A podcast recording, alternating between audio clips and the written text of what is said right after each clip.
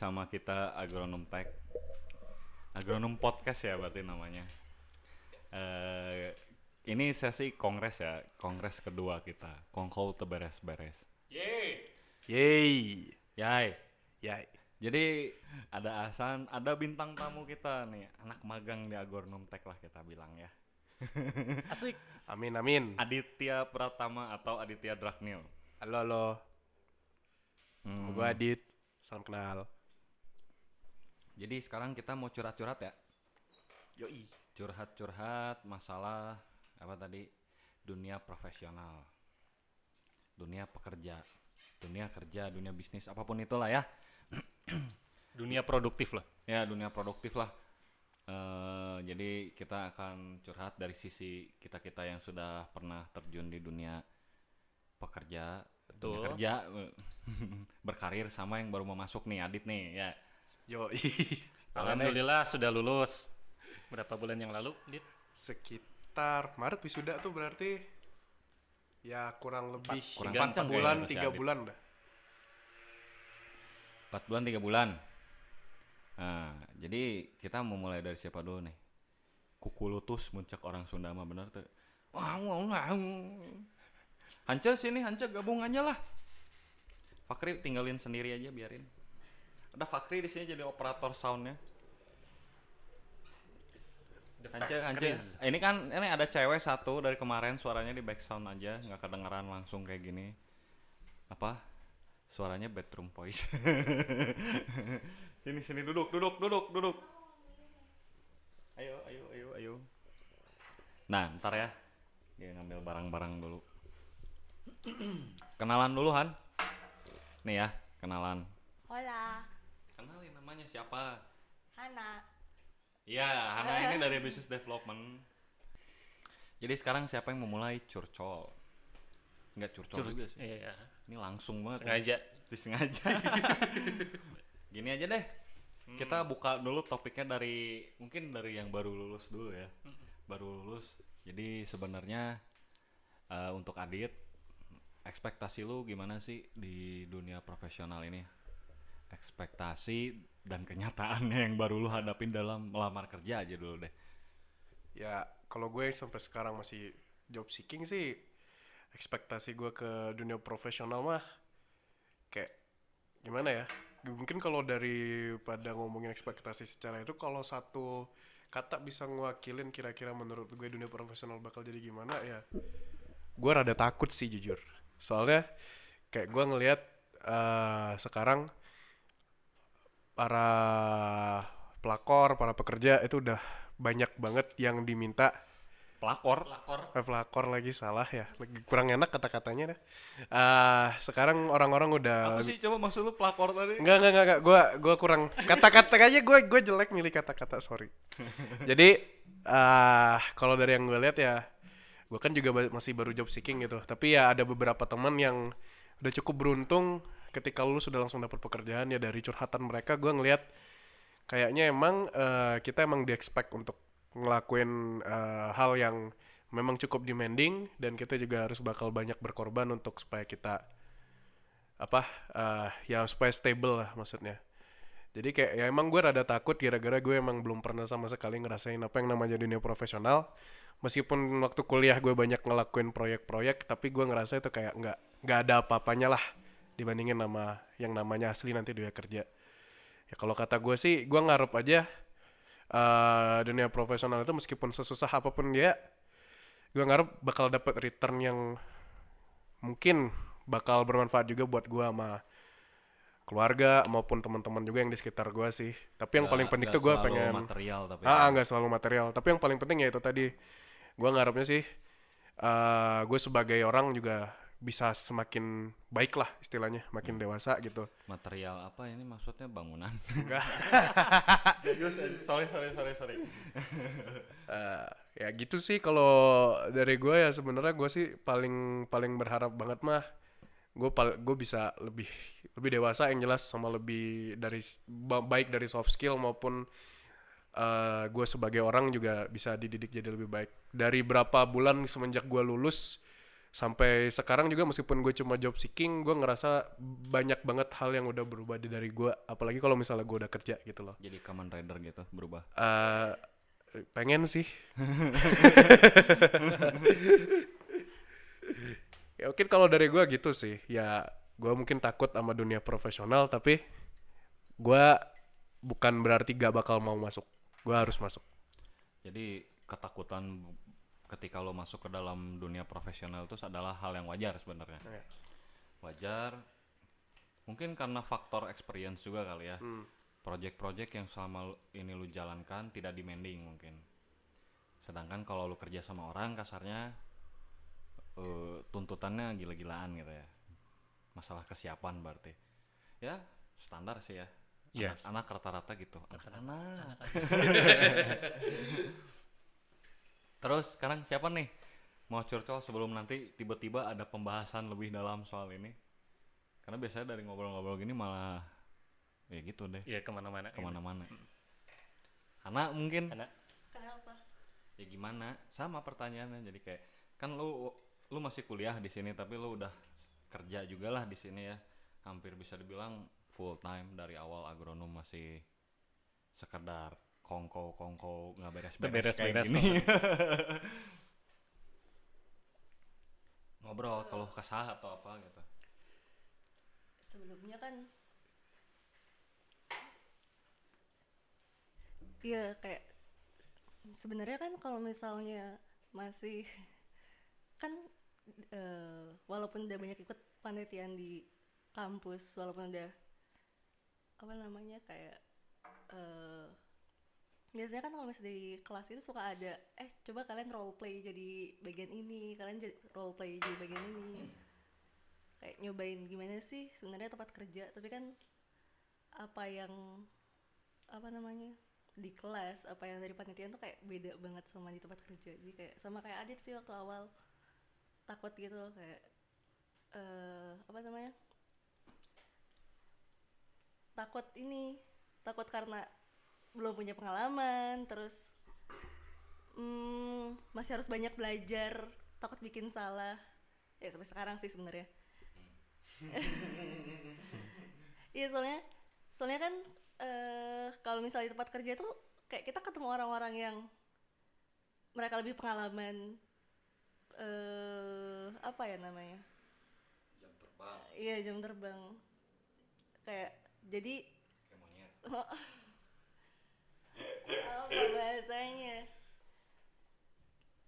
Punya perasaan takut nggak capai sama ekspektasi orang di tempat kerja gitu loh.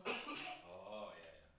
soalnya pertama ya kurang pengalaman terus ada kaget oh ternyata gini ya tempat kerja beda banget sama waktu di kuliah beda banget sama area-area kampus ya, sama sih sebenarnya kayak Adit Ya kurang lebih sama berarti. iya eh apa ya tadi tadi sana ya berarti sama ya kayak pembahasan kita kemarin gitu apa namanya? Jadi lupa tadi mau nyambungin sama apa ya? Ekspektasi korporat terhadap bukan, lulusan. bukan bukan bukan. Astagfirullahaladzim. Ya culture shock. Jadi kayak takut salah. Sebenarnya kalau misalkan itu ada first time buat semua orang kan eh pasti ada toleransi segala macam juga kalau dibandingin sama kuliah memang ya ya ini yang mau dibahas tadi sorry. Eh, seperti yang kita bicarakan kemarin bahwa kuliah itu kita strata satu memang nggak di nggak terlalu dijuruskan untuk siap kerja sebenarnya. Tapi lebih ke akademik. Oh iya iya iya. akademik dan untuk riset gitulah. Terus masalah beda sama di kampus ya sih. Di kampus itu dulu waktu mau disuruh role play kayak gitu juga memang kurang immersionnya. Dalam arti dulu pernah ada kayak apa bisnis simulation itu jualannya gabus pak. Eh, Gabus. Te- temanya sih industri perikanan gitu dari bahan mentah eh, ngambil ikannya bisnis ngambil ikannya terus sama ngolah jadi jadi nugget ikan gitu gitu. Tapi gabus pak ini. Ikan gabus dong berarti. Hah? ikan gabus dong. Gabus beneran. Gabus, styrofoam Styrofoam. styrofoam eh enggak styrofoam juga pak. Busa-busaan itu tuh kayak ganjelan itu. Iya. Dibentuk-bentukin gitu. Asli nak. Terus lucunya gini. Bisa beauty blender. Ini sekedar apa namanya kita melenceng dikit lah cerita zaman dulu waktu disuruh si- bisnis simulation. Kan kita disuruh imersif nah terus nanti pas udah acara hari A-nya jalan bisnis bisnisan itu kan ada perusahaan macam-macam. Terus nanti ada ev- event gitu kayak kebakaran lah diacak gitu ngerti nggak sih? Siapa yang kena kebakaran warehouse atau pabriknya? Ada yang dirampok. Nah kebetulan itu kelompok gua kena rampok kan. Karena harus imersif ya masa kita diem pas ada yang dirampok? Ya gue refleks gitu kayak mau ngebogem yang mau rampok. Padahal cewek. Terus dimarahin panitia lah gimana? Nah dari situ aja sebenarnya hal kecil-kecil aja udah diatur gitu. Ah mantap kopi ini malam-malam kalau di kampus tuh lebih simpel semuanya lebih simpel ya nggak juga sih sebenarnya nggak nggak nggak nggak lebih simpel juga cuman implementasinya kurang sih kalau kata gua. Kalau kita misalkan eh, lu manajemen ya eh, di ini deh marketing misalkan belajar marketing. Kalau kata gua nggak simpel juga. Eh, teorinya cukup dalam dan study case-nya juga dalam. Prakteknya kurang jadi study case ini bukan disuruh cari solusi benar-benar solusi dari lu tapi mengacu pada ada yang ada gitu nggak sih? Iya. Misalkan ada case-nya A eh, kalau kita lihat ke buku teori yang bisa dipakai itu B dan C dan D. Nah lu disuruh milih dari tiga itu ngerti nggak sih? Eh, mungkin itu dari kita kita yang ilmu sosial Asan coba kalau misalkan dari yang teknik nih biasanya Iya. teknik kan lebih praktikal. Eh Asan diploma tapi ya pasti praktikal sih? Ya udah ya jadi kalau lebih apa ya istilahnya basicnya karena teknis. Jadi waktu itu eh, sempat kerja juga di salah satu perusahaan eh, bisa dikatakan telekomunikasi lah. Gitu ya karena job desk-nya hanya sekedar bukan sekedar sih istilahnya me- memastikan suatu jaringan terhubung dengan baik ya hanya sekedar itu saja gitu. Karena memang kalau untuk naik ke arah manajemen dan segala macam kan harus butuh proses gitu. Jadi fokus kepada pekerjaan yang sudah di memang sudah ditunjuk. Seperti itu aja sih kalau masalah eh, untuk pengalaman di kerja di bagian teknis gitu ya. Ya gitu mungkin. Udah aja.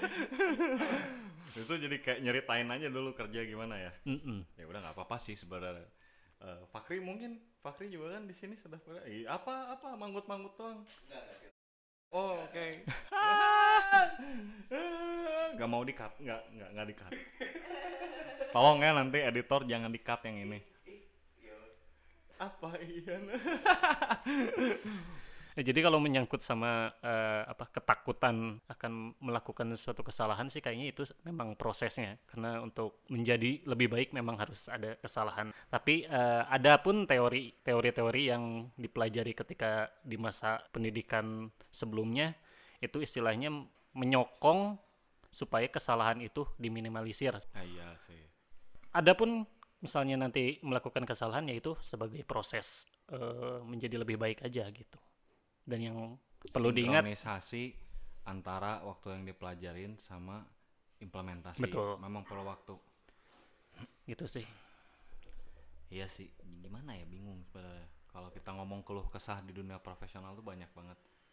eh apa ya? Dulu sempat kerja juga kan, ikut-ikut orang lah intinya gitu, nggak akan sebutin pihaknya siapa gitu. Ya, harus adaptif sih intinya, ngerti nggak sih? Iya, Jadi iya, iya. pernah ikut dua orang yang berbeda dengan sifat yang berbeda, dengan standar yang berbeda, ya eh, kita harus bisa adaptif dalam arti kalau si ini begitu ya begitu si ini begini ya begini ada saatnya kita improvement sendiri memang ada cuman pasti orang juga butuh melihat eh, progres kita kan nggak mungkin langsung Iya, dengar betul. walaupun dua dua dua orang ini berbeda tapi dua-duanya mencapai gitu sebenarnya caranya saja ya gitu deh. Eh, emang gimana ya kalau misalkan gue curhat masalah adaptif proses adaptif gue sama dua pihak berbeda ini sia-sia juga dalam arti kayak banyaknya personal gitu. Masih masih masih zaman zaman masih ABG gitu ngerti nggak sih? Wah apaan sih ya milenial sekarang kan nggak seneng yang bosi. Ya gue juga ngalamin gitu. Dan sekarang gue ngalamin gue nggak seneng juga sebenarnya sama orang-orang yang merasa dibosin gitu. Padahal perlu proses kan semua. Sorry kalau misalkan rada ofensif tapi kenyataannya sebagai seorang orang yang running bisnis lah di luar agronom memang susah sih. Kalau menghadapi orang yang ya gitu. Ya gitu masa gue sebutin ntar ada yang tersinggung. Adit geser mic tuh kayaknya mau ngomong. Ya kalau apa? Kalau masalah adaptabilitas sih, nah itu juga termasuk salah satu yang mungkin cukup ditakutin juga sama orang-orang, apalagi kalau misalnya orang-orangnya kurang supel gitu, kayak misalnya gua gitu ya. Eh, meskipun kayak gua tuh pernah dikirim ke Taiwan lah untuk ketemu sama perwakilan-perwakilan kampus lain gitu ya. Tapi kayak emang ada beberapa barrier yang kadang-kadang emang cukup bikin kita sulit untuk ngobrol sama orang-orang lain. Apalagi kalau yang misalnya beda banget gitu loh. Kayak kalau misalnya eh, lu ketemu sama mungkin nanti pekerjaan lu sebagai lu profesional lu mungkin wajib ketemu sama orang-orang yang datang dari background yang benar-benar beda kayak anak-anak misalnya gue kemarin ketemu sama anak-anak Republik Ceko ketemu sama orang-orang Amerika gitu kan Da- dan mereka emang eh, cara ngobrol, cara kerja itu beda banget sama kita gitu ya. Jadi ada satu sesi di mana waktu itu kita disuruh untuk pertama kalinya ngumpul sama orang-orang yang berasal dari satu negara. Jadi yang dari Republik Ceko ngumpul sama Republik Ceko, yang Indonesia sama Indonesia, Amerika Amerika, Jepang Jepang, seterusnya gitu. Nah, ketika gua ngumpul sama anak-anak yang dari Indonesia, eh, yang cukup gua eh, dapet itu adalah gue ngerasa emang kalau misalnya kita udah ngumpul sama orang-orang yang cukup deket gitu ya meskipun mereka sama-sama Indonesia tapi mereka ada yang dari Irian Jaya ada yang dari Maluku Makassar eh, ada yang dari Sumatera gitu. Tapi kayak gue udah langsung ngerasa lebih enak gitu loh dibandingin sama kalau misalnya gue ngobrol sama anak-anak Ceko anak-anak anak Amerika. Tapi ini nanti nyambungnya ke global politik nggak? Enggak enggak enggak, enggak nyambung ke global Geo, politik. geo, Soalnya- geopolitik sorry. soalnya ini bener-bener kayak acaranya kayak summer camp gitu sebenarnya dibikin happy kan. Iya. tapi dari situ juga belajar emang lu harus adaptif. Kayak misalnya di dalam di dalam gua satu kelompok itu di mana ada anak Amerika ada orang Taiwan mereka nggak semuanya bisa ngomong bahasa Inggris gitu kan dan mereka mungkin juga nggak semuanya mau ngomong gitu. Ya. Jadi eh, kadang-kadang emang kita harus nge-push gitu kan dan kadang-kadang kita ketemu sama misalnya orang Amerika atau orang Ceko yang emang mereka ngomongnya cepet banget bahasa Inggris ya gitu kan. Jadi kayak eh, kadang-kadang lu harus emang harus langsung eh, meskipun lu nggak enak gara-gara emang dari dulu kita disuruh untuk jangan potong ngomongan orang gitu kan. Tapi ketika dia ngomong cepet banget kemudian lu ngomong pardon lah atau apa kan rasanya emang nggak enak tapi mau nggak mau lu harus ngelakuin gitu kan. Ya, tapi yang paling menarik ya waktu ketika kami masuk ke dalam menasik nggak? Menarik tapi asik. Bener sih ya ini manasik manasik banget ini manasik banget. Jadi ketika kami waktu itu ngumpul di dalam satu grup yang isinya semua negara satu negara sama itu kami disuruh bikin presentasi kan. Presentasi budaya negara kalian masing-masing gitu nah jadi ketika itu eh, yang rombongan Republik Ceko mereka bener-bener eh, gimana ya mereka keras gitu kan keras keras ngomongnya maksud gue keras ngomongnya mereka sudah itu ngela- gampang banget ngelabrak sampai suatu ketika mereka dipanggil sama dosennya untuk ketemu tapi ketika itu lagi acara kan. Nah ketika itu eh, lagi acara eh, lu sebenarnya nggak boleh cabut dari situ. Nggak boleh cabut dari gedung itu sampai acaranya selesai. Jadi kemudian mereka nanya sama ininya eh, satu orang nanya. Sama salah satu apa LO ya? Anggaplah LO deh mahasiswa dari sana kan.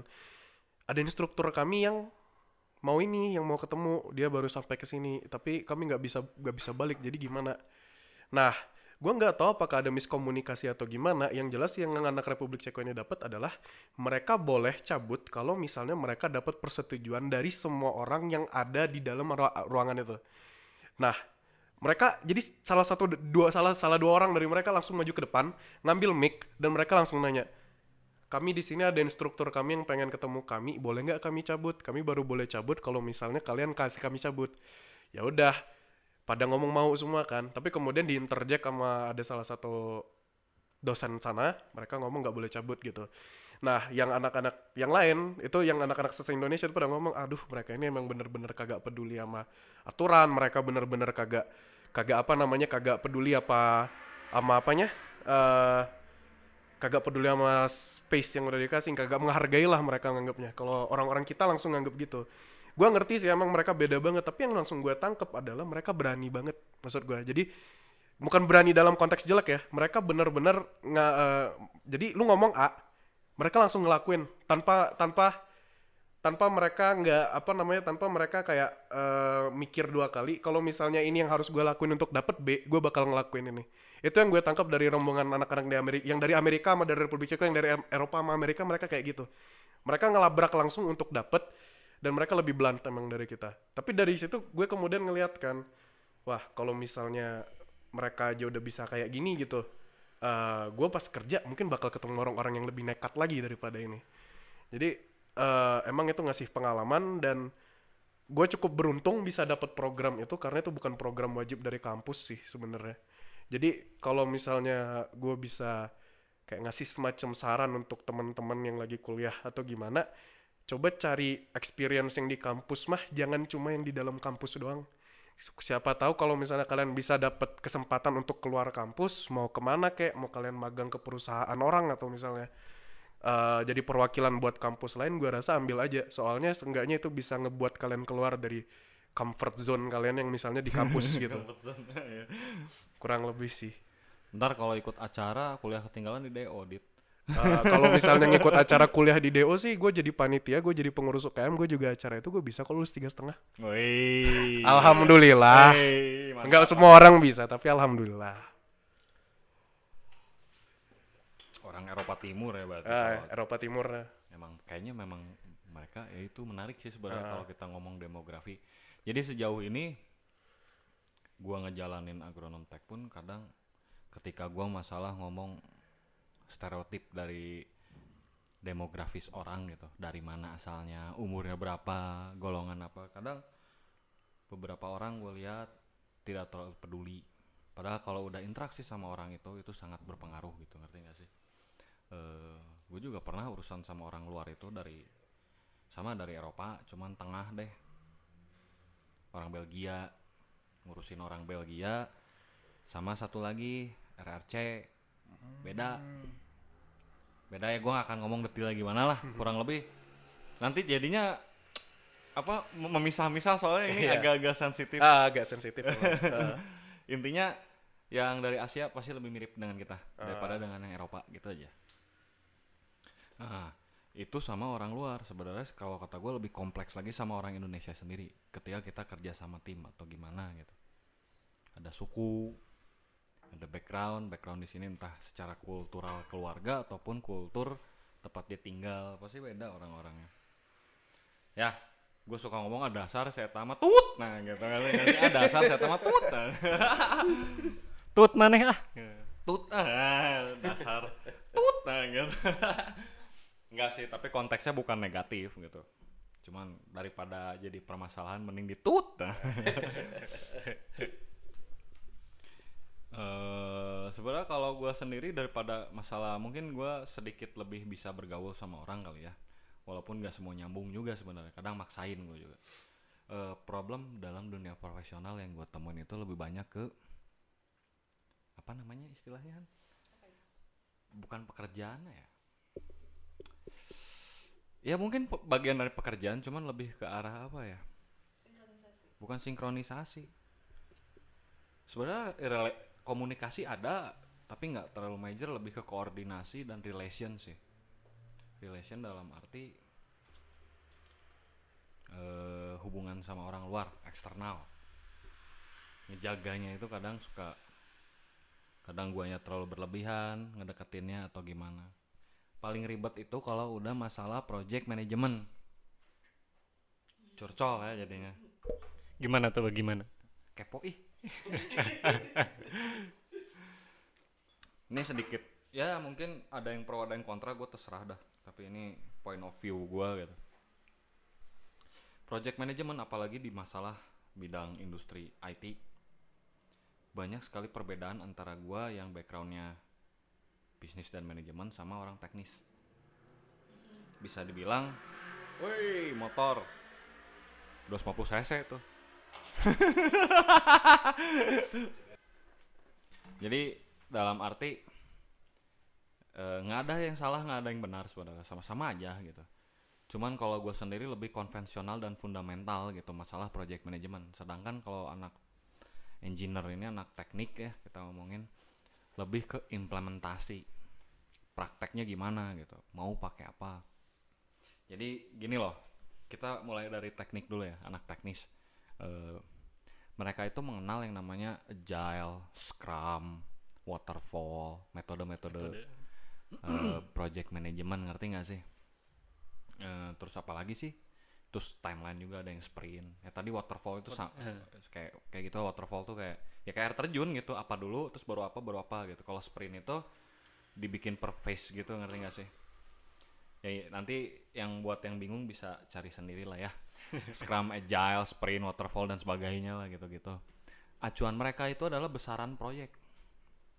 Besaran proyek kompleksitas proyek non nya sannya eh ya gitulah pokoknya. Intinya eh mengacu pada apa yang bakal mereka kerjain. Sedangkan kalau gua project management di da- bukan di gua bukan di agronom maksudnya ya di agronom itu sebisa mungkin harus menutupi satu sama lain. Jadi harus ada reasoningnya harus ada sinkronisasi alasannya kenapa harus ikut yang ini dan itu. Nah kalau dari point of view gua tadi gue bilang lebih fundamental dalam arti mendasar kalau gua mau.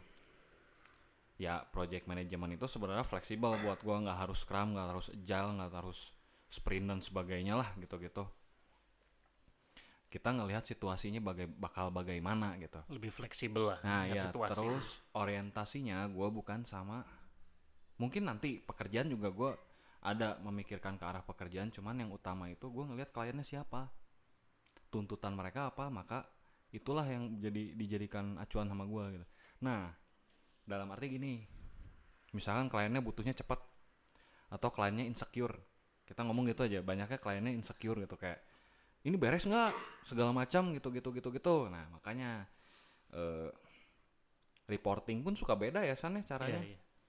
jadi ya anak teknis reporting ya dokumentasi coding gitu ngerti nggak sih? Betul. Kalau buat gue perlu sesuatu yang bisa dipresent ke klien. Ya oke lah kalau kliennya divisi IT lagi pasti mereka ngerti gitu. Kadang nggak juga sih sebenarnya. Kadang bingung sendiri. Bingung ya. Malah minta sesuatu yang lebih Iya. simple minta lebih simpel atau besarnya. minta tolong kita report. Sedangkan kalau gue lebih ya yang pengennya yang presentable gitu kayak minimal hari ini ngerjain apa bla bla bla bla gitulah. Nah itu yang suka bikin bentrok sebenarnya. Eh lebih gue pengen fleksibel anak teknik pengen keke pengen saklek. Kalau gini ya gini terus gitu.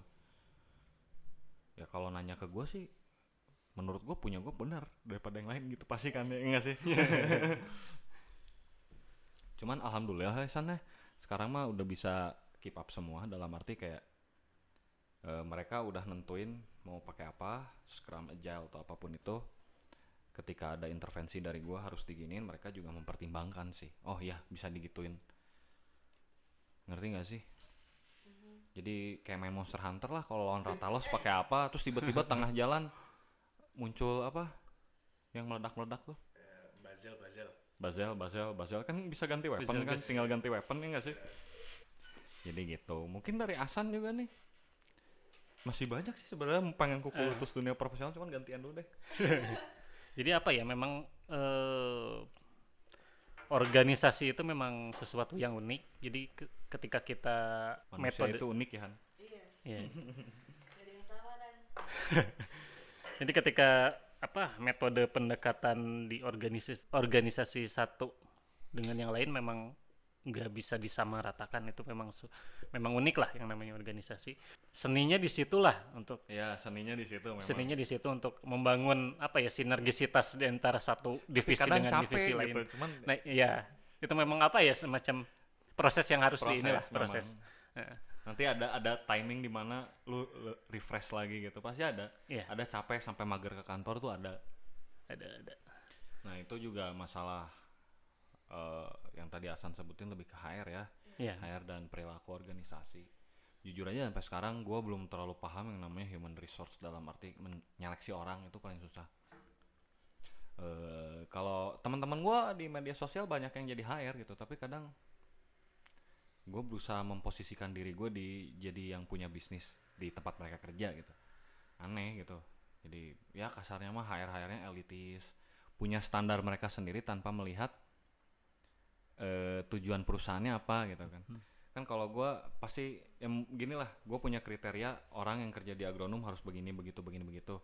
Pasti ada kalau secara teori HR sendiri ya nggak bisa gitu dong pasti ada. Tapi kebutuhan bisnis gue seperti ya. itu gitu. Gimana nah itu juga yang kita nggak dapat di kuliah loh sebenarnya Tuh, harus di, diterjuni langsung. diterjuni gimana sih? langsung Hmm. ada yang istilahnya situasinya unkonvensional gitu tapi memang eh, ketika gua menerka-nerka bukan value ya kalau value itu bisa berubah lebih ke apa ya eh, orang itu masuk eh, mengalami proses di perusahaan sampai keluar itu ketika memprediksi itu basicnya dari buku sih sebenarnya dari kuliah. Mana yang misfit mana yang konstruktif destruktif. Teori siapa sih Pak itu? adalah Ada. lupa eh. Ada HR sekarang yang buat seleksi karena ada aturan kalau misalnya orang yang mau seleksi HR mau itu manajemennya, mau itu staffnya, mereka ini kalau waktu sempat lihat di LinkedIn sebenarnya. Ad- udah ada aturannya, dia harus ada sertifikasinya dulu. ah iya. Jadi, tapi tapi kayaknya nggak tahu sih sebenarnya kayaknya jarang sih yang Iya. mengimplementasikan itu. Nah katanya sekarang tuh udah wajib, jatuhnya wajib. Itu baru kayak kemarin-kemarin lihat itu. Hmm. baru sekarang tuh diwajibin kalau misalnya eh, HR mau ngelakuin seleksi atau pokoknya dia memanage si iya pokoknya berhubungan dengan HR aja iya. ya udah harus punya sertifikasinya dulu baru dianggap sekarang apa apa Gitu. disertifikasi yang itu Scrum aja Scrum yang tadi kita omongin itu ada sertifikasinya. Gaya. Gaya. Mungkin perlu juga sih gue nggak tahu standar Scrum itu seperti apa sejujurnya. Cuman tahu aja selewat gitu. Oh gitu ya udah apa kan gue nggak mau sentral sentralisasi juga pengennya desentralisasi. Gue cuman ngawasin lah. Nah sebenarnya bagus kalau kayak ada yang kayak gitu sih sebenarnya. Jadi kadang gue juga ngelihat di ya di mana pun itulah medsos banyaknya sih kayak kok HR gini sih? gitu ngerti gak sih? Iya. Eh, kerjaan dia ngeliatin orang di medsos tapi dia di medsos begitu gitu. Elitis nggak jelas. Atau mungkin terlalu over analisis gitu kan kasarnya mah kalau bos mah butuhnya produktif udah jebret ada hasil gitu. Ya, betul. kurang peduli sama attitude. Ya itu juga sebenarnya kalau standar gua di sini sih ya ini buat adit juga mungkin ya yang lagi nyari kerja. Nggak semua orang ngelihat masalah hard skill sih. Kalau gua hard skill ya yang penting bisa gitu. Tapi soft skillnya bagus dalam arti dia mau belajar attitude-nya bagus attitude-nya bagus gitu. Insya Allah pasti better lah secara hard, hard skill kan berbanding lurus kalau kata gua. Kan ada tuh yang wah pokoknya IPK harus gini terus pinter punya prestasi ABCD ada yang kayak gitu kayak tipikal nggak sih? Tipikal memang karena mungkin gue ngambil yang kayak gitu juga gue perlu belajar ngelihat proses orang kan. Kan gue juga baru selama ini bisnis gue bisnis kecil-kecilan gitu kayak pegawai cuma tiga orang empat orang paling banyak juga. Jadi terus bukan sorry gue milih kata-katanya yang enak dulu. Eh, bukan bukan tenaga ahli lah gitu ngerti gak sih? Bukan tenaga ahli jadi lebih mudah nyeleksinya. Yang penting jujur yang penting gesit gitu-gitu ngerti gak sih? Kalau sekarang kan agak beda bingung juga kadang handle nya Adit kayaknya gatel mau ngomong tuh. Nggak nggak nggak apa-apa lanjut Ya kalau ngomongin ini ya eh, rekrutmen juga ya pengalaman gue juga sekitar. Sebenarnya kalau mau diomongin gue dari Maret udah nyari kerja sih nggak juga ya. Gue baru bener-bener aktif nyari kerja itu mungkin satu bulan atau dua bulan Ya, belakangan orang ini. Habis lulus butuh istirahat. Ya eh, ya begitulah ya. Eh, eh, jadi kalau dari yang gue lihat dari rekrutmen sendiri itu eh dari pertama kayak kriteria gitu orang biasanya kan langsung langsung ngasih jurusan gitu kan jurusan A atau jurusan B. Nah jadi eh, IPK segini. Dan waktu gua konsultasi sama keluarga juga yang udah masuk dari profesional jelas ya. Mereka ngomong udah kak labrak aja gitu loh kan. Daftar-daftar aja siapa tahu dapet gitu. Kalau misalnya emang seneng kan nama ininya. Tapi eh kemudian kayak gua ngeliat gitu eh banyak banget. Ini ini ini bener-bener ra- rasa rada ngeranah ke curcol rada subjektif, subjektif dikit nih soalnya Gak apa-apa kan ini curhat. Ah iya, Ah, soalnya gini, eh gua itu datang dari jurusan spesifik yang gak spesifik. Lucu gak sih? Jadi gini, gua tuh dari Eh, Jack of all trade. Jack of all trades, master of none tuh kan, maling dari LinkedIn gua tuh. Alhamdulillah dibaca LinkedIn gua. Jadi eh gua itu dari hubungan internasional, nggak usah kita sebutkan. Esupin. Esupin, Esupin. Telat, telat, gue telat satu angkatan lulus ya. Kalau gue lulus satu angkatan lagi gue dapet tuh SIP, gak dapet tapi. Gak apa-apa jadi kayak berapa kali sekolah gitu. Ya mau di skip, mau di skip SHI juga ntar diomongin hukum internasional. Harus di bener-bener diomongin hupin, kan, kan lucu gitu. Nggak apa-apa sih, yang penting dapat gelar. ya, ya apa? Yang penting dokumen. ya jadi eh, HI itu terutama kayak tadi yang kata Bang Irsam bilang strata satu itu emang lebih akademik.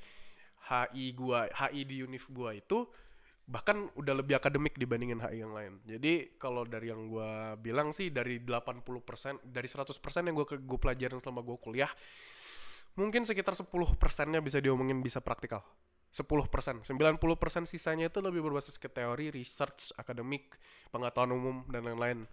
Berguna emang, tapi dari dari dari practicality ini gue cukup sayang eh, karena emang yang diajarin emang masih basic gitu. Bahkan hampir semua yang diajarin di HI itu basic, mau itu ekonomi, mau itu hukum, mau itu politik, sosiologi, bahasa. Tapi yang ditujukan itu kenapa sih lu diajarin banyak banget hal tapi kemudian nggak diajarin sampai full?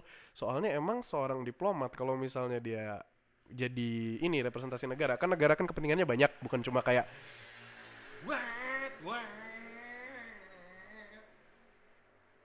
udah henshin, udah. Gak, gue mau motong bentar. Ah. Gue bingung sama orang Bandung yang suka lewat sini. Kenapa mesti kebut-kebutan berisik? itu gak usah diedit tuh jangan-jangan. jadi iya iya jal- jalur kok jalur kosong Drag race, drag race. Ngetrek- apa ngetrek ngetrek jadi kayak apa eh kalau gua apa eh, gua itu memang belajar disuruh belajar banyak kayak gitu soalnya emang eh, diplomat itu dituntut untuk ngerti banyak hal dalam waktu yang bersamaan tapi juga eh itu harus dipakai gitu kan dipakai dalam praktek. Nah jadi paling kalau mau diambil dari praktek negosiasi yang biasanya dikasih sama sama itu. Dan gua alhamdulillah dapet sih meskipun cuma dapat basic juga tetap guna. Tapi kemudian jadi yang jadi masalah itu adalah gimana ini nih mungkin kalau anak-anak HI yang lain mungkin juga punya dilema yang sama dilema yang sama. Gue seneng nih kuliah di Wah, HI dilema. gue seneng nih kuliah di HI dilema. Gue seneng kuliah di HI gue emang emang masuk ke gue emang gue interestnya ke sini gitu. Tapi kemudian gue mikir gue nggak pengen jadi diplomat. Apakah gue harus pindah atau gimana? Kayak kalau misalnya di podcast yang sebelumnya juga sempat ngobrol kan kalau misalnya kadang kita mungkin berbeda dari apa yang sudah diajarkan waktu kuliah. Beda itu biasa gitu kan. Tapi kemudian ketika lu kayak kayak dari jurusan gua itu nyari pekerjaan yang di tulisannya itu kriterianya adalah pengen juru, lulusan hubungan internasional itu gue cuma pernah ketemu satu. Dari mungkin gue belum nyari banyak mungkin gue belum nyari banyak atau mungkin memang lowongan belum banyak buka. Tapi hampir nggak ada gue ketemu pekerjaan yang emang kriterianya secara langsung minta jurusan gue gitu kan. Gue ngerti sih kenapa soalnya emang eh, ke kebutuhan orang zaman sekarang lebih spesifik dan emang eh, arus industrinya mungkin udah ngarahnya ke sana. Eh, dan gue dan gua nggak ngeluh kalau misalnya nggak ada untuk jurusan HI tapi mungkin ini bisa jadi kendala juga bagi orang-orang. Meskipun ada juga emang pekerjaan-pekerjaan yang memang dia ngasih jurusan umum gitu kan. Tapi memang banyaknya MT gitu. Kalau MT mah kemarin tuh sempat dibahas bisa dicek. Eh, nah ya jadi gitu loh eh, kadang-kadang emang eh, pekerjaan yang zaman sekarang itu udah makin spesifik mereka udah makin banyak butuh apa namanya mungkin jurusan yang jauh lebih spesifik gitu ya Tapi jujur kalau kata gue, gue lebih seneng lowongan pekerjaan yang dia mendeskripsikan job desk sama keterampilan yang dibutuhkan daripada dia nulis outright gue butuh jurusan A. Hmm. Nah, karena dengan demikian gue bisa ngelihat apakah perusahaan ini eh apa namanya eh, perusahaan ini bersedia nerima yang dari golongan akademik bawah tapi punya kriteria yang bagus gitu loh. Jadi kayak misalnya contoh gua kema gua barusan gua kemarin ini emang pekerjaannya bukan pekerjaan entry level ya. Gua dapet lowongan eh, info lowongan untuk salah satu publikasi anggap aja d.net namanya atau d.com atau apalah eh eh gitu. Jadi pekerjaannya content writer sama search engine optimization. Dia nggak secara outright nyebutin lu harus dari jurusan mana, tapi dia nyebutin lu harus tahu apa aja. Lu harus tahu search engine optimization, lu harus supel, bukan gak, gak supel sih, lu harus apa namanya, lu harus komunikatif orangnya. Lu harus Itu apa? supel nggak Ya sih? supel sih. ya ya ya, gitulah. Lu harus apa? eh, lu harus lu harus ngerti bahasa Inggris, lu harus bisa nulis konten, lu harus bisa analisis. Nah, sudah itu kemudian baru di bawah dia nulis lagi eh, butuh apa pro. Nah, ini ini yang gue seneng daripada dia nulis pengalaman 2 tahun, dia langsung nulis proven experience. Jadi emang udah harus ada portofolio yang membuktikan kalau lu udah bisa gitu. Nah, kalau menurut gua lowongan pekerjaan yang kayak gitu masih lebih enak. Gue lihat meskipun nggak bisa gue apply ya, gue nggak punya portofolio sama sekali di SEO. Tapi gue lebih enak ngeliat gitu. Jadi gue bisa bisa mikir kira-kira dari semua skill ini ada kemungkinan bisa nggak gue, gue gue diterima meskipun dari beberapa skill ini gue kosong gitu. Kayak misalnya di SEO itu gue bisa bahasa Inggris, gue orangnya cukup komunikatif, gue bisa nulis konten, tapi gue no gue nggak tahu next to nothing tentang SEO gitu. Jadi anggaplah kalau misalnya pekerjaan entry level gue masih bisa nembak, gue masih punya percaya kepercayaan diri buat nembak daripada kalau misalnya dia langsung nulis degree in engineering. Hmm. langsung. Atau misalnya degree in psychological studies. IPK 3 kayak gue gua nggak gua nggak gue kurang peduli IPK karena gue cukup beruntung dapat IPK yang mungkin di atas rata-rata. Tapi tapi eh, dengan cara kalau misalnya lu nulis IPK 3 IPK 3,2 itu eh, kalau kata gue rada rada cukup ngasih gimana ya deteran buat orang-orang untuk ngeplay gitu loh. Soalnya gue punya beberapa temen juga yang emang dia IPK-nya mungkin Yeah. di bawah tiga, kayak dua setengah atau misalnya 2,8 gitu. Tapi gue tahu ini orang pinter gitu loh. Coy, Makanya. jadi teman-teman gua dulu banyak yang IPK-nya kecil, nggak kecil sih, ya lulus juga gitu. Cuman nggak tiga lah gitu. Nah, Bisnisnya gede-gede coy. Buset. Yang tiga-tiga kadang sorry ya, bagus juga sebenarnya. Ah. Kerjanya bagus, cuman ya lebih menarik aja nggak sih kalau yang kayak gitu. Tiba-tiba atau SMA kita ya San ya. Banyak orang-orang yang nggak disangka-sangka tiba-tiba Iya. masuk ITB. Tiba-tiba kerjanya sabi padahal dulu di SMA-nya nggak kelihatan menonjol, nggak disayang guru. nggak disayang guru.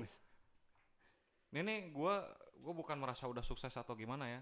Eh, gua merasa jalur yang gua ambil tidak tidak pada umumnya lah, tidak seperti yang lain gitu. Gua nggak merasa spesial juga.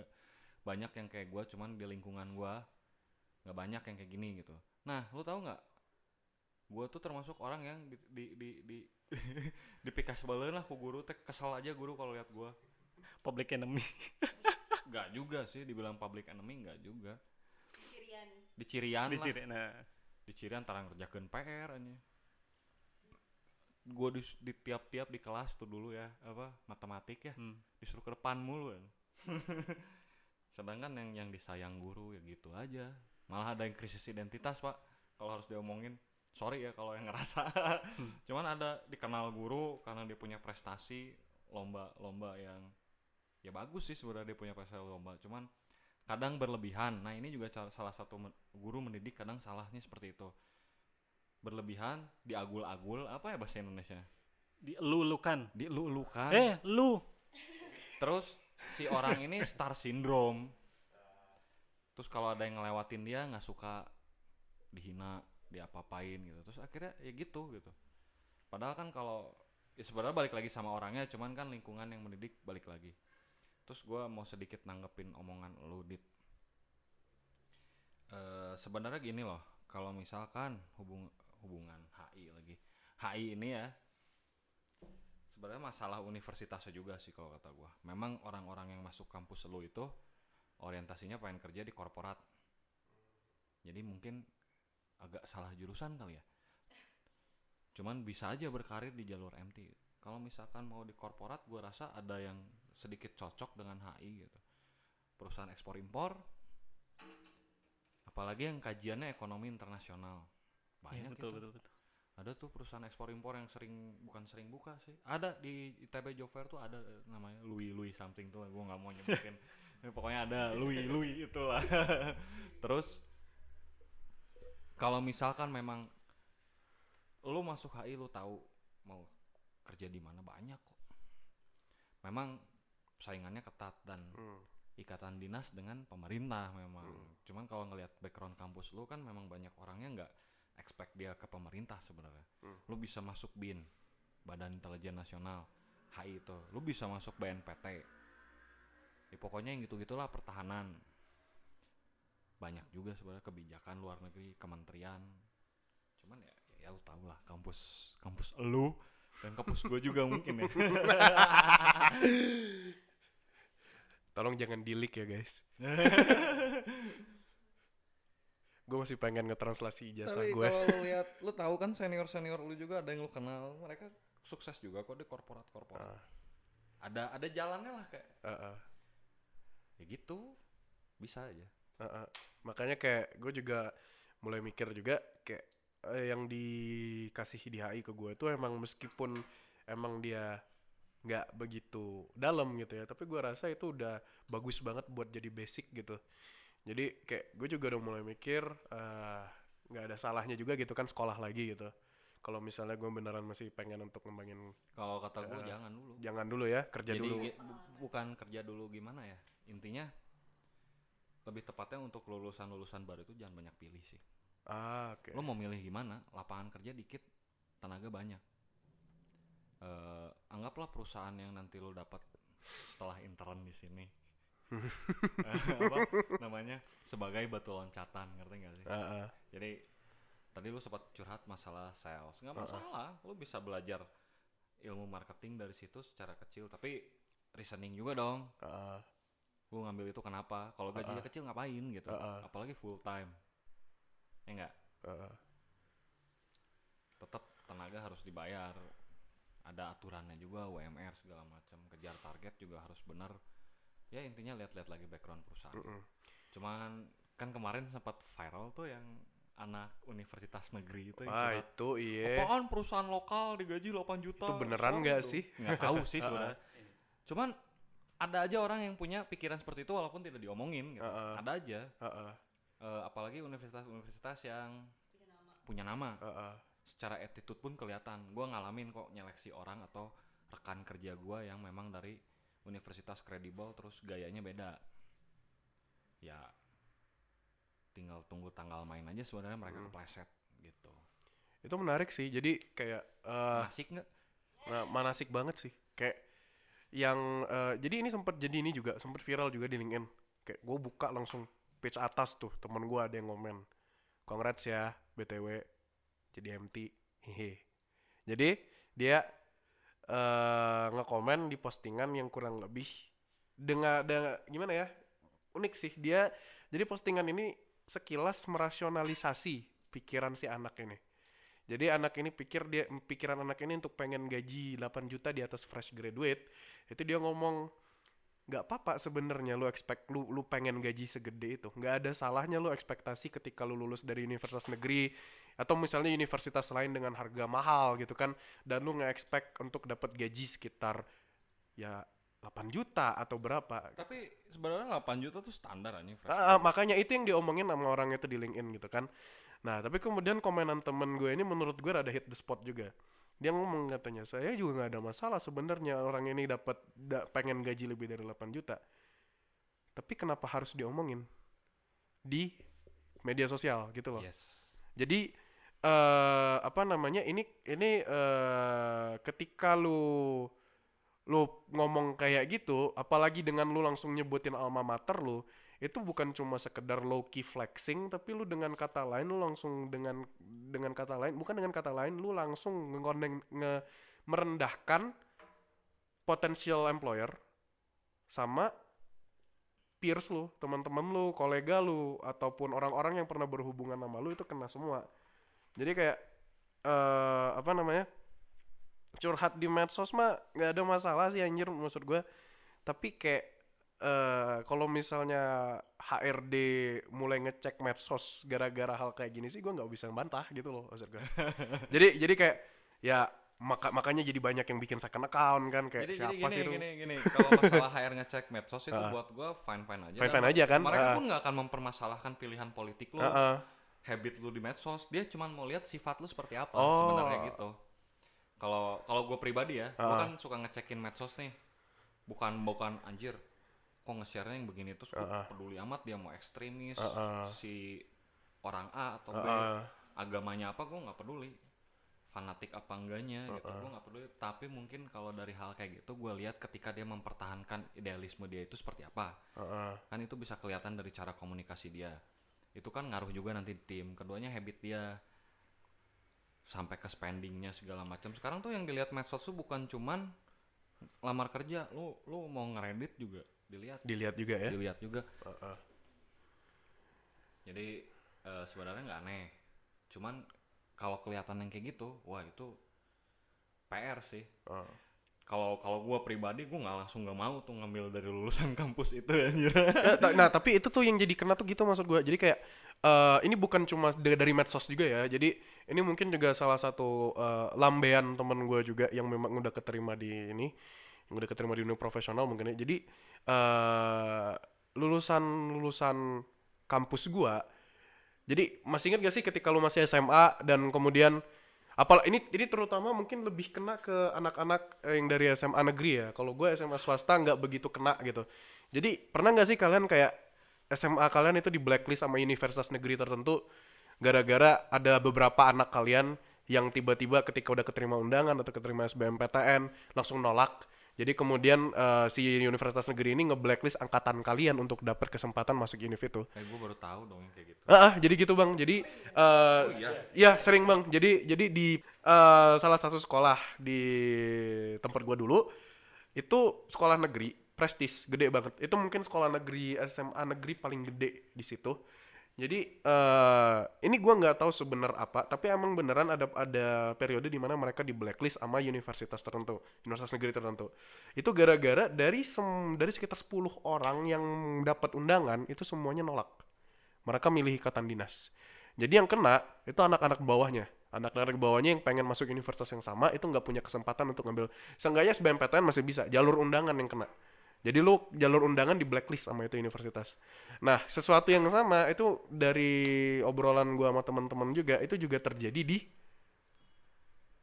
Ginjang Universitas, di mana lulusan universitas-universitas lu yang kakak-kakak tingkat lu sekarang itu yang udah keterima di kerja di perusahaan-perusahaan A, perusahaan B, perusahaan C, itu kerjanya mungkin semena-mena jadi ketika kemudian lu masuk ke perusahaan itu mungkin langsung bakal langsung dilabrak. Iya iya itu. Bakal langsung Itu- dilabrak. itu, itu sampai ke tempat kerja loh. Ah, ah. jadi gue sempat curhat sama temen gue yang memang dia kerja sekarang di dulu dia di ini di apa di bank.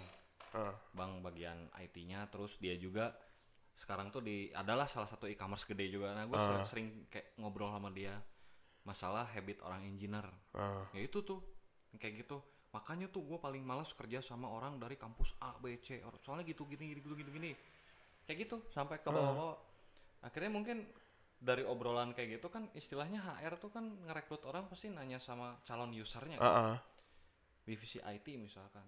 Nanti pasti orang IT gue nggak mau dari kampus ini kan. Jadi gitu ngerti nggak sih? Mm-mm. kadang nggak bisa nyalahin orangnya juga pak. Ah, ah. jadi memang zaman ospek aja udah didoktrin kayak gitu. Iya jadi kemarin ada salah satu teman gua lulusan Universitas Prestis di Bandung lah ya Ah. dia tuh nge-share gitu kayak eh seputar ospek di kampus yang kayak diterak-terakin dimarah-marahin sama senior gitu ternyata di kampus dia tuh masih ada makanya dia nge-share kayak gitu tuh ngerti gak sih Ah, ah. kalau dulu di kampus gua kan kampus kita udah nggak ada kan sebenarnya Mm-mm. Adalah dikit-dikit tapi kayak nggak diwajibkan gitu malah. Mm-mm. kalau gue lihat sekarang terakhir gue lihat lebih orientasi itu lebih benar-benar orientasi kenal sama fakultas dan jurusan masing-masing kan. udah aja udah gitu. Wah yang di sana masih ada tapi sembunyi-sembunyi di luar. oh iya nggak usah ikut aja. Nggak aneh sih. Jadi jurusan iya jurusan lu kan jurusan apa namanya? Heeh. yang agak terkenal di kampus lu. Jadi kayak begitu. Nah itu tuh jadi kultur kayak gitu tuh belum hilang ketika lu merasa eh, fakultas jurusan ataupun universitas lu mantap nih ya Heeh. ada rasa ingin mempertahankan itu bagus tapi caranya mungkin karena dulu diginiin nih dihajar-hajar kayak gini nih baru bisa bertahan dipertahankan kayak gitu tapi ketika dihilangkan juga kulturnya kadang Masih ngebekas. bukan ngebekas malah jadi bangkar ngerti nggak sih Ah, itu itu sih bang jadi Kayak jurusan sebelah gak sih? Iya Eh, ada ada jurusan yang dulu abang-abangan banget di kampus Heeh. kita ya Heeh. ketika dihilangkan kultur abang-abangan itu eh, orang-orangnya jadi lembek-lembek aneh gitu ngerti nggak sih Heeh. bukan bukan jadi ngondek atau gimana mentalnya tuh waduh Jatuh. Heeh. bukan jatuh juga apa ya, lembek banget gitu padahal jurusan itu butuh orang pekerja keras yang kayak apa namanya secara mentalnya kuat gitu lah Hmm. bukan mental terus endurance secara fisiknya juga harus kuat terus jadi kayak begitu gitu Jadi kayak sebenarnya ini juga sih ini juga apa namanya eh, ya balik lagi kayak kampus kita lagi nih nih ngelambi kampus lagi nih. Jadi eh waktu angkatan gue tuh kayak yang terakhir yang ada kultur abang abang-abangannya sampai kemudian diganti di tahun depannya itu dihilangin banget katanya. Katanya dihilangin banget. Nah, dan kemudian ya emang gue rada ngerasain anak-anak yang di angkatan situ dia lebih gimana ya maksud gue ya Nggak nggak juga sih, nggak kalau kata gue dia malah lebih rebelis gitu loh maksud gue. Jadi eh Masa baru ngerasa baru merdeka atau gimana? Maksud gue tuh gini, jadi senioritas itu penting tapi bukan digunakan sebagai sarana lu ngegebukin adik kelas lu bukan. nggak ada sih kalau ngegebukin nggak ada. Ah, nggak ada nggak ada ngegebukin. Tapi maksud gue ja- bukan jadi apa outlet lu untuk melepaskan penat lu gitu loh. Nggak gaya lah gitu. ngegaya gitu loh. Jadi senioritas itu lebih kayak lu buat ngajarin B A ke anak-anak bawah supaya regenerasi lah value-value kampus lu gitu. Ya ya ya. Ah, tapi nah eh, ketika enforcement ini dihilangin gitu kan jadi mulai itu mulai goyah kan. Kemudian dibalikin lagi gitu dibalikin lagi juga mungkin dengan kadar yang makanya kayak kata karena tadi lebih sembunyi-sembunyi gitu kan. Jadi gimana ya eh emang emang problematik orang masing-masing sih ujung-ujungnya Ya, mau jadi kayak eh, kalau kalau nggak dihilangin salah dihilangin salah juga gitu. balik lagi ke orang ya. Jadi gimana ya kalau di sistem thinking tuh ini udah vicious cycle. Muter-muter di situ harus ada yang dirubah face-nya. Mungkin dari dari lingkungan orangnya atau malah dari lingkungan tempat dia belajar atau gimana kita nggak tahu lah. Kita bukan pakar pendidikan. Tempat dia tumbuh juga. Ya bisa jadi. Itu sih itu sih. Dia ada yang ya gitulah. Apa? Ya udahlah personal nanti jadi. Ya. Asan ngomong dong ah. Ya, Kak. eh apa ya? Jadi menanggapi yang tadi mungkin. Enggak deh, menanggapi. Menanggapi. Eh, yang mana ya terus dilupa ya itu ada beberapa memang eh, pernyataan yang memang gak harus di apa diangkat ke media sosial dan itu ya balik lagi ke eh, lingkungan dia tumbuh mungkin. Ada beberapa hal yang harusnya dibahas eh, tapi dia tidak bisa membedakan antara lingkungan dia hidup sama lingkungan yang di mana semua orang bisa melihat hal itu gitu nah salah satunya yaitu yang apa namanya salah satu kampus negeri yang menyatakan hal itu. Ya memang betul tidak salah eh, dia menginginkan gaji yang di atas nominal yang dia sebutkan. Sejujurnya tapi kan pantasnya juga memang dari lulusan sana gajinya agak gede wajar. Ya ya apalagi apalagi di lulusan sana gitu ya. lulusan sana terus kemudian em, lingkungan kerjanya di ibu kota misalkan ya memang memang suatu hal yang lumrah wajar segitu. Tapi, kan pembahasan itu memang seperti yang tadi teman Adi sampaikan di LinkedIn mungkin tidak seharusnya diangkat ke media sosial lah gitu, gitu, Ya, cukup tahu gitulah. Ya itu pembahasannya juga memang menyinggung orang yang memang penghasilannya di bawah itu. Hmm. kayak aing hese bal menang duit sakitu teh gitu Nah, kan. betul. ada yang kayak gitu. Nah, itu ada itu juga kan eh, menurut Badan Statistika Nasional juga untuk eh, fresh graduate antara umur 22 sampai 24 itu sekitar 2 sampai 3 jutaan menurut statistika gitu kan. Gimana Kalau kota? Iya, memang seperti itu menurut statistika. Iya. Nah, itu kan berarti ma- masalahnya bukan eh, apa ya? Masalah bersama lah istilahnya kayak gitu. Elah lu juga dapat gaji 5 juta kalau bener gawenya setengah tahun juga tiba-tiba 13 juta gaji lu santai aja gitu. Kalau kurang ya bikin bisnis atau yang lain Eh, atau eh, gitu. gitu. Ya gitulah. Jadi sebenarnya gue ngerasain juga tuh lingkungan mempengaruhi attitude segala macam lah ya. Kayak apa? Gue tuh benci sama suatu hal dan topik gue nggak akan nyebutin apa itu karena gue pernah didiskreditkan dengan menggunakan alasan-alasan topik itu sendiri. Makanya gue bukan benci sih lebih tepatnya anti lah. Anti dalam arti apaan sih kalau udah ada yang bahas topik itu. Jadi ngaruh juga. Cuman nggak semajor yang major sih sebenarnya tapi kalau di dunia kerja nggak major itu. Bukan major issue itu kalau ngomongin gaji standar gue segini segini kan itu buset. Gimana ya? Mungkin kalau di dunia sosial apa yang gue anti ini agak agak jadi concern orang juga sebenarnya. Cuman sekarang juga gue udah ngurang-ngurangin lah. Orang yang gue konfrontasi itu udah mulai jinak gitu ngerti gak sih? Kadang eh lu tahu sendiri lah suka out of nowhere gue ngomong sesuatu hal yang nggak ada angin nggak ada hujan tiba-tiba ke sana sebenarnya ada yang nyepet gua gitu atau gimana? Eh, lebih ke prinsipal jadi pasti sensitif sih. Jadi ya gitu. Gue cuman mau ngomong bahwa eh, sekitar lu ngaruh. Hana mungkin mau ngomong? Kalau Hana ngomong tapi beda sama yang Adit. nggak apa-apa. Ini kan ngobrol-ngobrol santai. Eh, jadi kan sebenarnya kalau misalnya orang jadi kan sebenarnya kalau misalnya orang dari jurusan Hana tuh udah banyak banget. Udah kayak sekarang kampus mana sih yang nggak punya jurusan Hana itu? Siapa kampus mana yang nggak punya jurusan manajemen? iya ya Iya. Iya. semua bener. semua Heeh. kampus tuh punya eh apa namanya dia kan sempat disinggung sama kakak kalau misalnya lowongan kerja tuh sebenarnya nggak banyak well banyak banyak aja selama lo bisa nyarinya terus kayak nanti balik lagi ke orangnya mau ngambil atau enggak kan Hmm, dibanding jurusan kayak Adit yang HI yang katanya buat jurusan apa? Eh, pekerjaan dengan spesifik. Gue butuh gue butuh anak jurusan HI jurusan manajemen tuh banyak banget pabalatak banget. Terus kayak sempat mikir gini sih apa ini sebenarnya waktunya saya kerja di bukan di, di Indonesia? Iya. Terus kayak eh udah udah dari kapan disebutin? Kalian kalau misalnya mau kerja sekarang saingan sama orang luar loh nggak cuma sama orang Indonesia doang. Mea, Iya. mea, me, me, me, mea yang nggak, mea yang nggak jalan-jalan, teh maksudnya. Ya, maritim 4.0 Atau atau oh iya iya sorry sorry sorry. Atau sebenarnya jalan tapi kita nggak ngerasain. Eh, Sebenarnya kalau mau diomongin jalan atau enggak sih, eh, balik lagi nyambung ke Kana juga, yang Mas Kana ngomong takut kerja, takut saingan sama orang yang di luar negeri. Cuma beberapa sektor yang di enable sama tuh tiga huruf ya.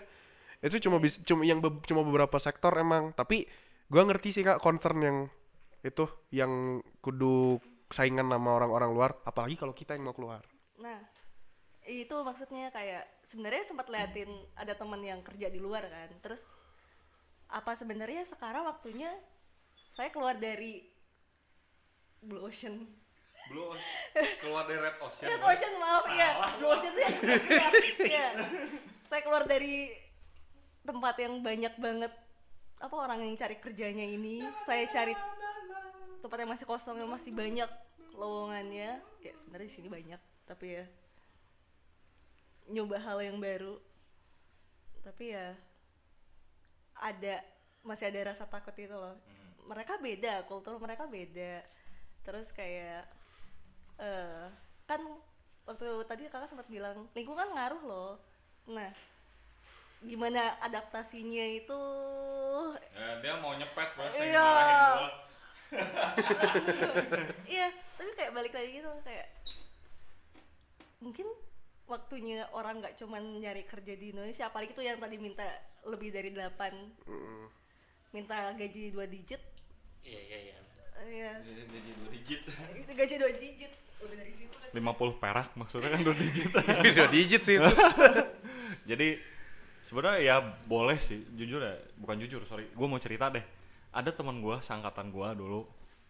Kabur pak dia ke Australia. Gue nggak tahu dia kerja apa tapi gue tau lah dia di Australia Eh, kayaknya dia settle di sana akhirnya. Dan eh, nggak tahu deh udah nikah apa belum tapi yang jelas punya pasangan bule gitu. Orang sana.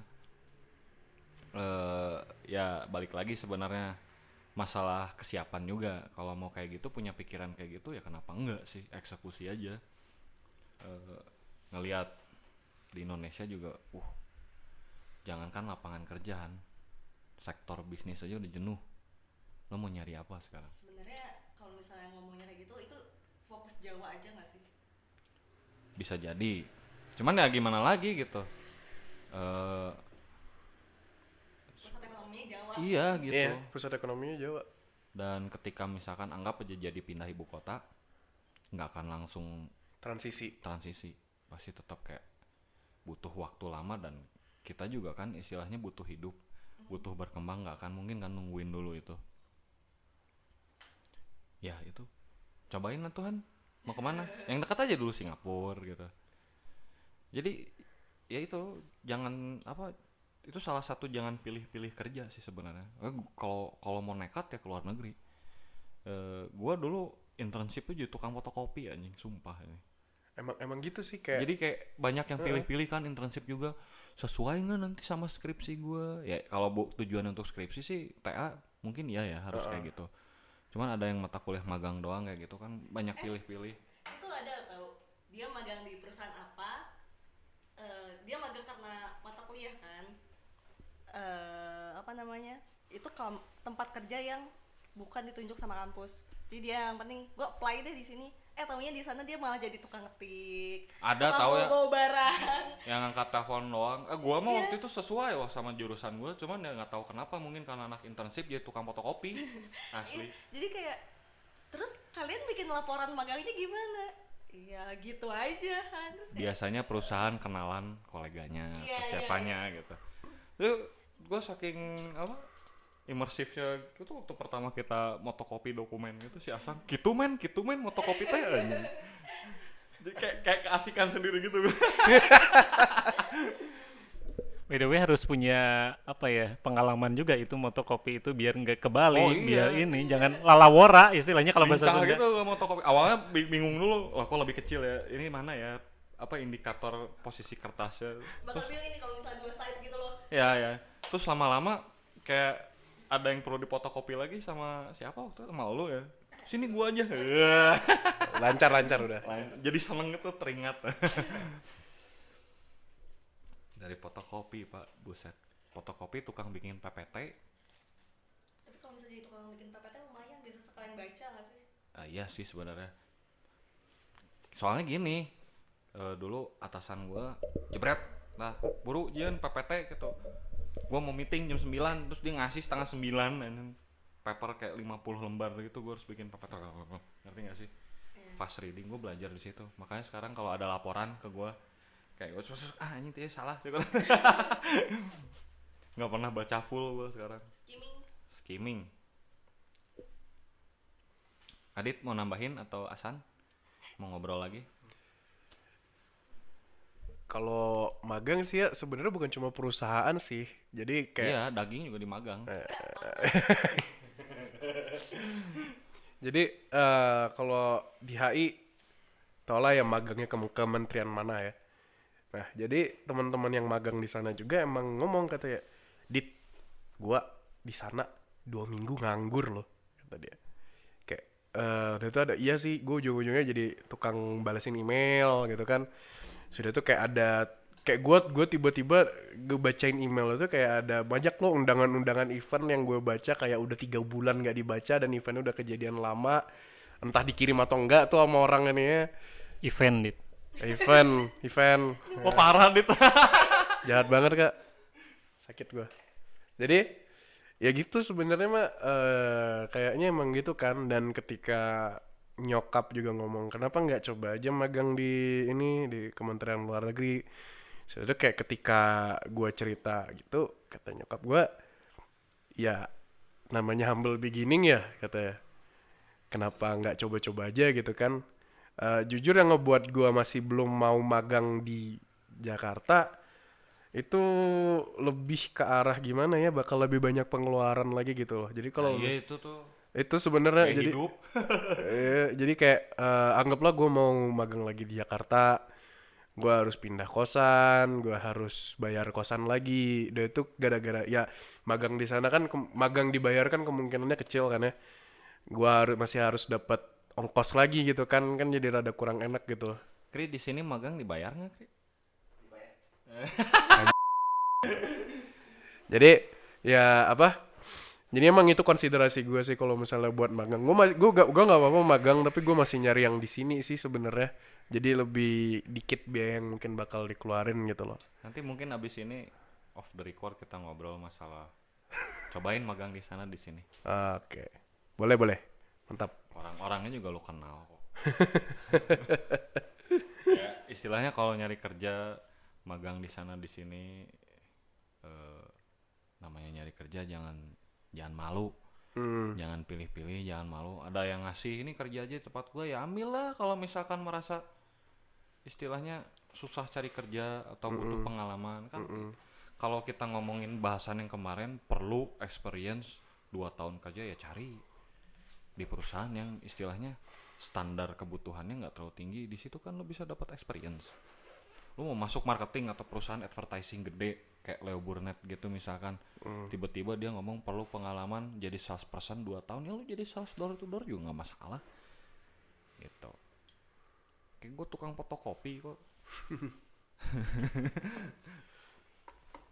Banyak loh mahasiswa kampus lu kalau lu eh, zaman gua ya nggak tahu zaman lu.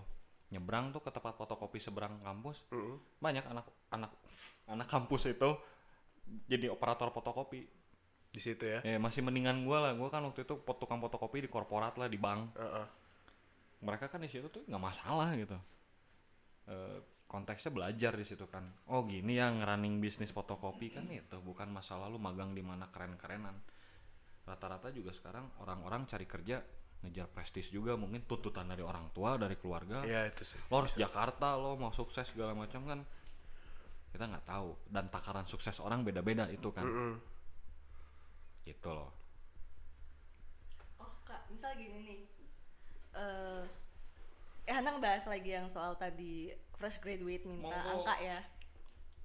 Kadang ada beberapa perusahaan yang bilang, eh anda itu mau gaji berapa? Hmm. Itu kan sebenarnya kita harus ada perbandingan sama eh, perusahaan di industri yang sama kan.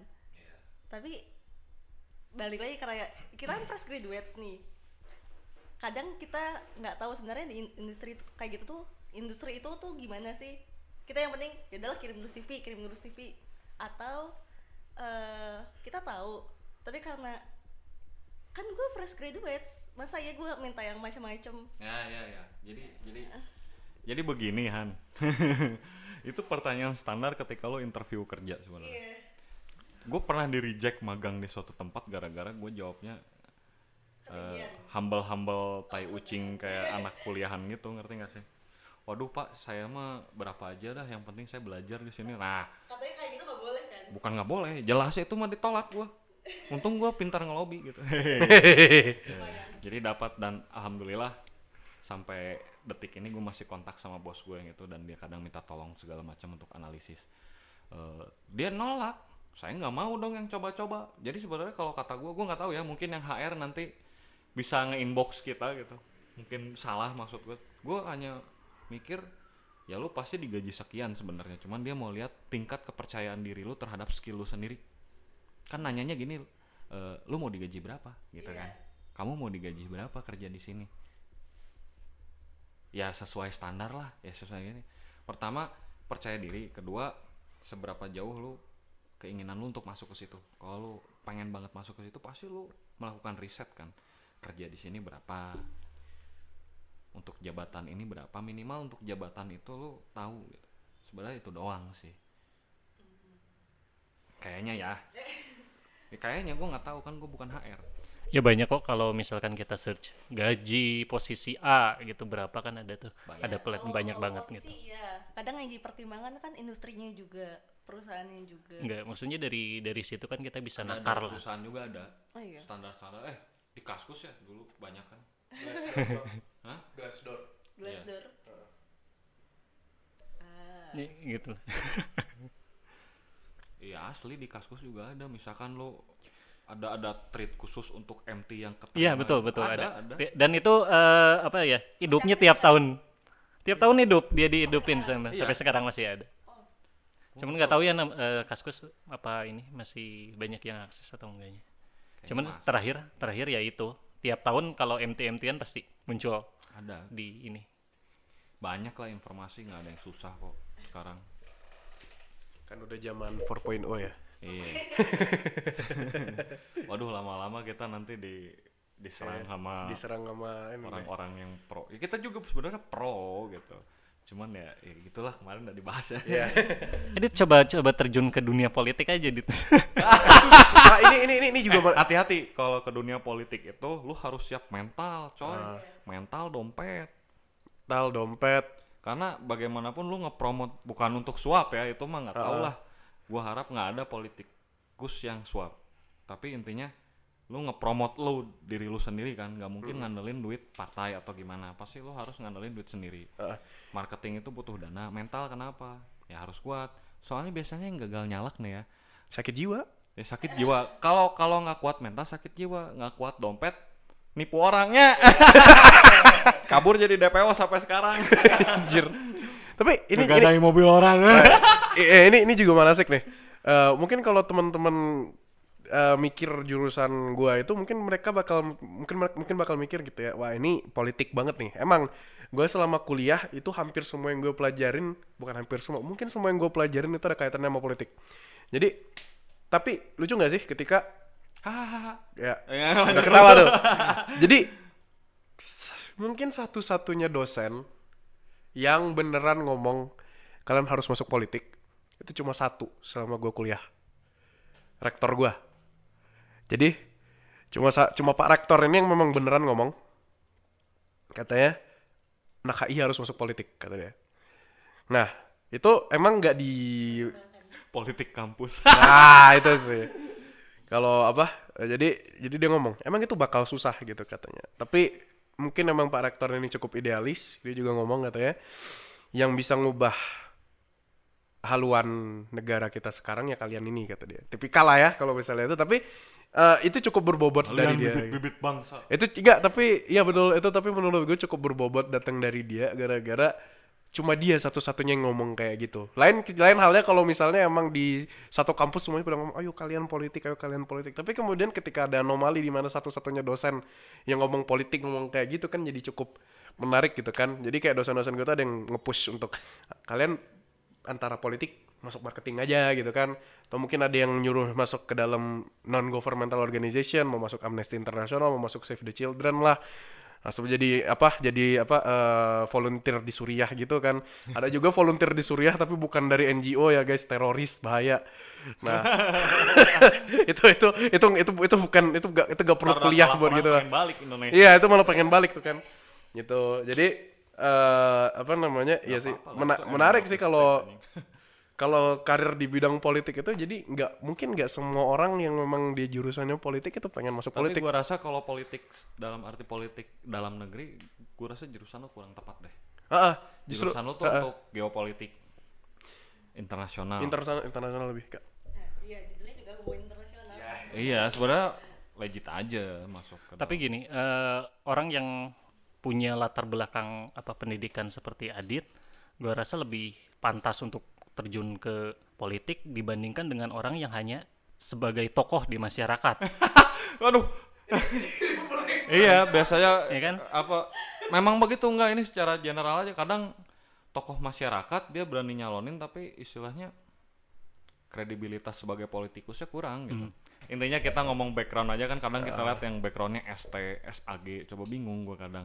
Karena walaupun kita ngomong istilahnya legislatif lah ya di Indonesia, entah entah apa, entah golongan apa pun itu, golongan berapa berapa, tapi kan ngurusin kebijakan ya nggak sih? Kebijakan publik apalagi yang udah masuk apa istilahnya kalau DPR teh komisi ya? Komisi. Komisi terus komisi yang berhubungan dengan internasional. Kan backgroundnya harus orang-orang yang mengerti geopolitik ekonomi internasional kan.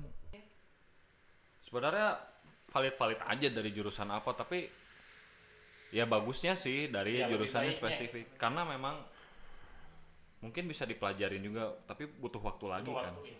kalau ada yang instan kenapa enggak gitu kalau kalau gua gua nggak nyangka gua bakal ngeluarin apa wejangan wejangan waktu kuliah anjir di sini bisa ngarah ke sini ya obrolannya jadi Kongres. Ah, jadi kongres gini. Jadi eh, itu balik lagi ke apa namanya?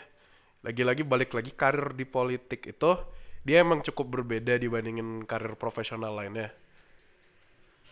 Oke, dia memang cukup berbeda dari karir-karir profesional lainnya. Ya gara-gara eh dia lebih dia dia dia sangat dia yang paling dependen sama struktur politik sama struktur negaranya mau negara sejarah negaranya itu gimana. Gara-gara gini eh misalnya Indonesia itu kan demokrasi nih. Jadi Eh, iya ujung demokrasi ya ya ya ma- eh, sorry ya kayak jargon jargon eh, ini ini boleh gue sebutin nggak ya? Jadi kayak gue pengen nyebutin ini tapi bukan dengan konteks yang jargon dipakai. obat nyamuk? Bukan? enggak enggak jadi baik gong jadi sebut merek. Jadi eh, apa namanya belakangan ini kan ada jargon yang digunakan oleh salah satu kubu. Kita sebut kita sebut aja nih tapi gue pakai jargon ini bukan dengan makna yang digunakan oleh kubu tersebut people power itu maksudnya anggaplah eh, itu adalah kan berarti kan kekuatan apa kekuatan voting di masyarakat gitu kan. Eh, jadi representasi masyarakat itulah yang kemudian nanti menjadi perpanjangan tangan masyarakat untuk kemudian ngasih eh, untuk yang kemudian jadi amanat lah anggapnya. Kalau dalam apa balik lagi ke dalam syariah atau misalnya ya, Islam gitu kan amanah lah. Jadi anggaplah itulah pesan dari masyarakat. Voting itu adalah pesan dari masyarakat kepada wakil rakyat untuk kemudian amanatnya masyarakat ini dilancarkan gitu kan. Jadi kalau balik lagi ke jurusan atau apa gua nggak ada ma- sama kayak sama kayak bang Islam gue nggak gua nggak ada masalah lagi lagi balik ke kriteria jurusan kalau misalnya lu mau jadi politisi gitu kan. Tapi eh alangkah baiknya gitu kalau misalnya ketika lu ber- memilih untuk berkarir sebagai politisi yang harus lu advance itu udah beda sama karir profesional lain. Kalau karir profesional lain, anggaplah lu ngomong, gue pengen jadi profesional, gue pengen dapat duit, gue pengen bisa beli mobil atau gitu. bisa nyetirnya enggak Nah itu eh, mulai nih ngelambil orang, orang lewat lagi ntar. Jadi kalau lu politisi, yang harus lu pikirin adalah bukan cuma gua. Mereka mau apa? Apalagi kalau misalnya lu politisi gitu kan. Makanya orang tuh banyak ngajak wakil ra eh, apa apa sih tokoh masyarakat gitu ya. Tokoh agama, pemuka agama misalnya untuk jadiin politisi kan. Gara-gara mereka udah nganggap langsung wah kami mau apa pasti bakal diwakilkan ya sama dia gitu kan padahal sebenarnya eh, kalau dari yang gue lihat apalagi di zaman politik identitas sekarang tokoh-tokoh masyarakat ini lebih digunakan sebagai alat ambisi oleh beberapa golongan aja untuk kemudian mereka ngambil kursi gitu kan. Meskipun nggak semuanya gue yakin nggak semuanya banyak banget eh, tokoh-tokoh masyarakat yang emang mereka punya dedikasi sama apa namanya sama eh, orang-orang yang di sekitar ya. Tapi, tapi itu biasanya nggak ke politik yang gitu. Ah, ah. tapi itulah makanya uniknya bang. Gara-gara kemudian karir profesional sebagai politisi menurut gue bedanya daripada karir profesional yang lain yang pertama kali lu pikirin itu bukan gue pengen apa tapi mereka pengen apa terutama kalau di negara demokrasi model kita gitu ya kalau misalnya lu di negara-negara yang lebih strict misalnya kalau lu raja atau apa di negara-negara yang lebih eh, imperial atau balik lagi ke zaman itu kan beda Absolute gitu. monarki. zaman konsul monarki gitu kan kalau sekarang mah eh, ini eh, karir di politik itu jadi berbanding terbalik sama karir profesional lain dari dari arti itu tadi. Ya itu kadang orang jadi pakai aktualisasi diri ngerti nggak sih? Iya. Eh, kebutuhan rakyat apa tapi yang dikembangkan apa gitu. Gue nggak akan nyebut spesifik lah. Butuhnya nggak macet yang dibangun apa gitu kan. Aneh kan sebenarnya. Eh ya itu sih. Ya istilahnya mungkin dari gua juga misalkan ya gue jadi politikus terus background gua bisnis misalkan. Pasti gue kayak ada tendensi ayo orang Bandung nih harus misalkan gue wali kota ya wali kota harus harus bisnis pokoknya nggak bisa jangan yang lain gitu. Nggak juga sih sebenarnya. Inovasi inovasi. Tapi pasti gue nyetirnya ke arah kebutuhan. Mungkin kalau gue jadi bisa aja gue terlena kan nggak tahu. Hmm. Eh, is- jangan jangan istilahnya bikin jargon sendiri stereotip sendiri. Oh orang-orang kota ini butuhnya ini dibangunlah ini gitu. Apalagi Bandung bisa dibilang lagi berkembang ya. Kayak infrastruktur tuh perlu. Mm-mm. infrastruktur dalam arti jalan alternatif bukan hiasan. Bukan hiasan kota ngerti nggak sih? Bandung udah bagus kok. Bandung udah bagus Cimahi cuma yang bukan Bandung iya maksud gua akses Bandung ke Cimahi woi. Mulai langsung langsung diomongin. Ya ya tapi gitu sih kayak kayak kalau ngomongin ngomongin Bandung juga salah satu alasan kenapa gue masih masih betah di sini ya gara-gara jujur ya ini klise banget emang dan gue emang bukan dari Bandung orangnya tapi kayak ketika ditanya sama temen gue kenapa sih lu nggak balik? Ya kenapa nyokap kenapa nyokap sama bokap nggak nggak nyokap sama bokap juga ngomong di Jawa emang lebih enak gitu kan. Apalagi gue udah ke skip interview dua kali gara-gara di Jakarta interviewnya. Jadi kata nyokap sama bokap udahlah di Bandung aja. Ketika ditanya sama temen gue kenapa sih lu stay di Bandung terus? Ya udah gue ngomong aja gue udah terlanjur seneng sama kotanya. Jujur gitu loh. Siapa sih kayak kita juga makanya oh, nah ini stereotip kerja nih. Orang Bandung tuh kalau kerja di luar kota homesick. Homesick asli. Heeh. pengennya pulang aja. Kayak udah kayak rumah kedua lah. Ya, malahan balik Bandung kalau misalnya gue di luar kota lumayan tuh. Ya sekarang lumayan dulu enggak sih. Malahan lumayan ini? kosnya. Oh ya malahan eh, kantor yang lama itu setelah gua tinggalin ada salah satu eh, statement dari ini atasan itu untung nggak ngambil orang Bandung karena seminggu sekali balik. Dan susah susah banget disuruh lembur disuruh maintenance segala macam itu susah katanya. Iya, Ya itu. apalagi kantor-kantor BUMN tuh kan suka ada apel nih kalau Iya. misalkan 17-an orang Bandung banget, uh, weh, udah hilang kan, udah pulang kampung semua. saya lagi sakit. Tapi gue orang Bandung lagi capek nih, macet pak. pakai motor panas, pakai mobil macet, pakai motor juga macet. Eh gue pernah tuh motor gue kepanasan mogok, diterakin polisi, maju kamu, ah, gimana aja? bapak Di situ, di situ, di, bantuin nyetep pak gitu Heeh. Masalahnya motor gua kalau udah panas ditungguin dulu. ada cooling down Iya ada cooling down. Ya gitulah. dari pembahasan dari apa ya dari kegalauan seorang job seeker Sampai keluh kesah bekerja di suatu daerah sampai ke Mm, politik ya. sampai ke politik. lah. Eh, kayaknya juga sudah malam. Kita Sudah sudahin sudah aja ya. subuh. Daripada nanti daripada nanti makin meracau ke mana-mana. Eh, ya udah semoga menghibur, Menghibur. bermanfaat buat yang mendengarkan. Eh, kita pamit dulu untuk episode kali ini. Iya. Terima kasih udah nggak dengerin. Tetap semangat. mantap mantap thank you